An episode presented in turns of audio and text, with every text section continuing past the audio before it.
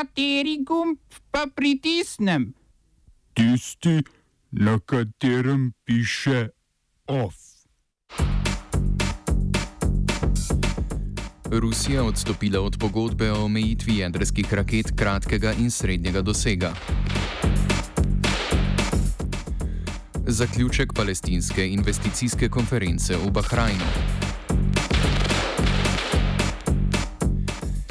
Danska z novo manjšinsko levo-sredinsko vlado. V kulturnih novicah pa trilogija On Entertainment zagrebskega gledališča De facto Theatre Company na mariborskem odru GT2.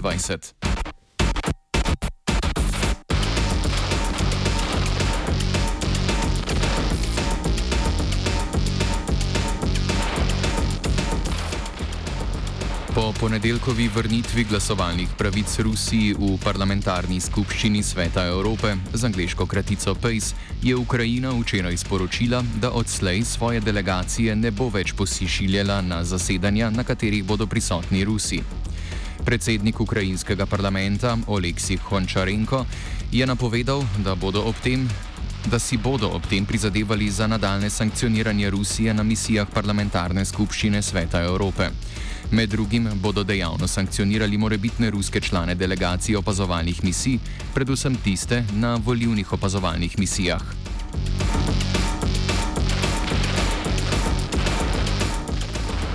Na drugi strani je ruski zgornji dom parlamenta danes sprejel zakon o odstopu od pogodbe o omejitvi jedrskih raket kratkega in srednjega dosega z angliško kratico INF. Jedrski izstrelki te vrste imajo doseg med 1000 in 5500 km. Pogodbo sta leta 1987 podpisala tedajni ameriški predsednik Ronald Reagan in zadnji voditelj Sovjetske zveze Mihajl Gorbačov. ZDA so od pogodbe sicer odstopile februarja letos zaradi domnevnih kršitev ruske pogodbene partnerice, ki naj ne bi dosledno uničevala teh izstrelkov. Pogodba bo nehala veljati 2. augusta, nekdanji pogodbeni partnerici pa imata po ocenah strokovnjakov iz Severnoatlantskega zavezništva NATO skupaj še okrog 14 tisoč raket, vsaka okrog 7 tisoč.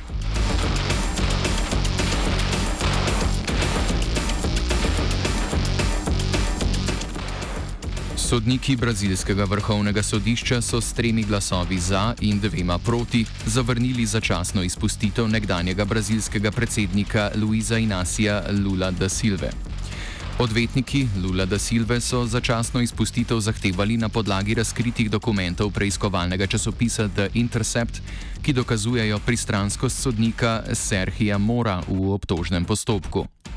Moro, ki je aktualni pravosodni minister v vladi predsednika Žaira Bolsonara, naj bi toživcem pomagal in svetoval pri oblikovanju obtožnice.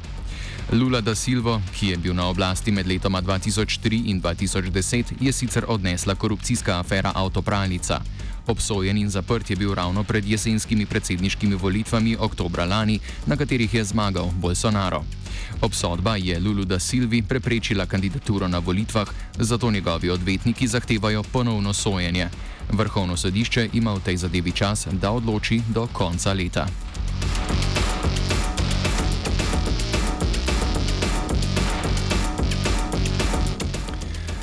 Bahrajnski prestolnici Manama se bo danes zaključila dvodnevna investicijska konferenca namenjena, namenjena palestinskim območjem.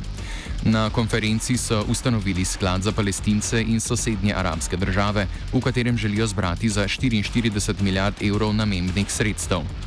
Jared Kushner, višji svetovalec in zec ameriškega predsednika Donalda Trumpa, v svojem govoru ni razkril praktično nobene politične podrobnosti svojega načrta za rešitev bliže vzhodnega konflikta.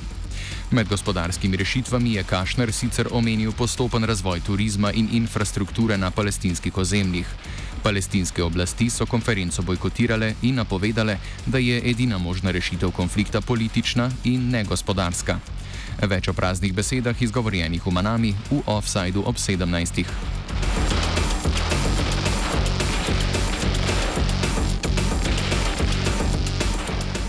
Albanska državna volivna komisija je včeraj potrdila, da bodo lokalne volitve potekale to nedeljo. Državna volilna komisija, ki jo sestavlja pet sodnikov, je sicer odklonila odločanje o zahtevi manjše skrajno desne albanske stranke nacionalnega zavezništva, ki se je želela uradno umakniti iz volilne kampanje po predsedniškem odloku o preklicu volitev v začetku junija. Predsednik poslanske skupine vladajoče socialistične stranke Tauland Bala je pozdravil odločitev komisije in pozval vse stranke k sodelovanju na volitvah. Opozicijska demokratska stranka je napovedala, da bo ustrajala pri bojkotu volitev.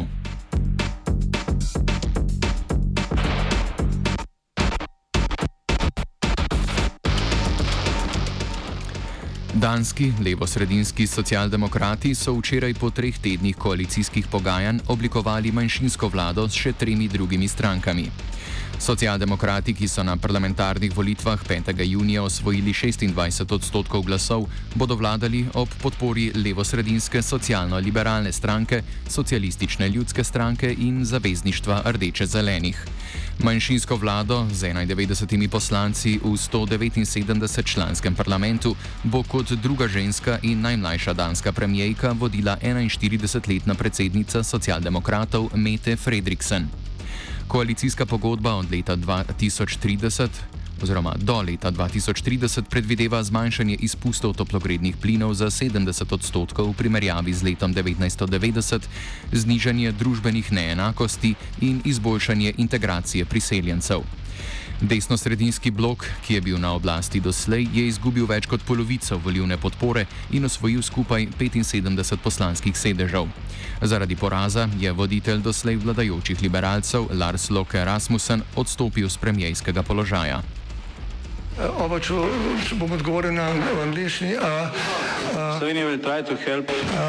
We can Slovenija will and we will do our utmost To say that the situation is our problem ourselves. and uh, We will make further steps as soon as the conditions are bomo vlado Marjana Cererja, Mira- eh, Marjana Cererja Šarca podprli. uh, very, very serious. we know how and we will. Danes obeležujemo tudi Mednarodni dan boja proti zlorabi drog, ki poteka pod geslom Zdravje za pravičnost, pravičnost za zdravje. Urad Združenih narodov za boj proti drogam in kriminalu, ki je predlagal to neposrečeno geslo, želi z njim povdariti, da je, citiramo, za učinkovito naslavljanje svetovnega problema drog nujno vključujoče in odgovorno delovanje pravosodnih, zdravstvenih in socialnih institucij. Konec citata. Evropsko poročilo o drogah za letošnje leto kaže, da v Evropi obstaja najbolj razširjeno uporabljena prepovedana droga konoplja, število zasegov in zaseženih količin kokaina, ki je rekordno, pa kaže tudi na vse večjo razpoložljivost te droge. Zanimiva je tudi statistika, po kateri nas je približno 96 milijonov odraslih evropejcev v starosti od 15 do 64 let že poskusilo neko prepovedano drogo. Kakšna je uporaba prepovedanih drog v Sloveniji, komentira Laura Vrlič, strokovnjak oziroma strokovna vodja Slovenskega združenja za zmanjševanje škodljivih posledic drog Drogart. Um, kar mi opažamo na terenu, je seveda še vedno najbolj razširjena uh, droga alkohol. Um, z alkoholom je najbolj razširjena konoplja oziroma trava, um, potem pa daleč, daleč dade, se pravi v nekem manjšem deležu, pa so stimulanci, kot je kokain, MDMA, amfetamin. Medtem ko um, te nove uh, psihoaktivne substance, o katerih se veliko govori, um, so bolj v manjšini, no, ni, niso, jih ne, ne zaznavamo v velikem deležu. Poseben problem v Sloveniji postajajo nove droge in uporaba več drog hkrati. Tisti ljudje, ki umrejo zaradi zastrupitev z drogami, praviloma vzamejo več drog hkrati, med temi pa je osnova alkohol, še poudarja Laura Vrlič, ki je hkrati tudi vodja projekta Pleši z glavo. Mešanje, mešanje drog na splošno, predvsem pa mešanje z alkoholom. ne, Takrat je ponovadi še največ zapletov, pa neušečnosti. Večina intervencij imamo še vedno zaradi alkohola kot prvo drogo. Ne. Ponovadi se tudi, v kombinaciji z ostalim drogam, mm, je alkohol ponovadi tisti najbolj, bi rekla, um, zoprn. Um, ne to objave, to ni v redu beseda. Pred jutrišnjim vročinskim valom v izogib dehidraciji, kakšno pivo na off svetuje Dugi, sledijo pa kulturne novice.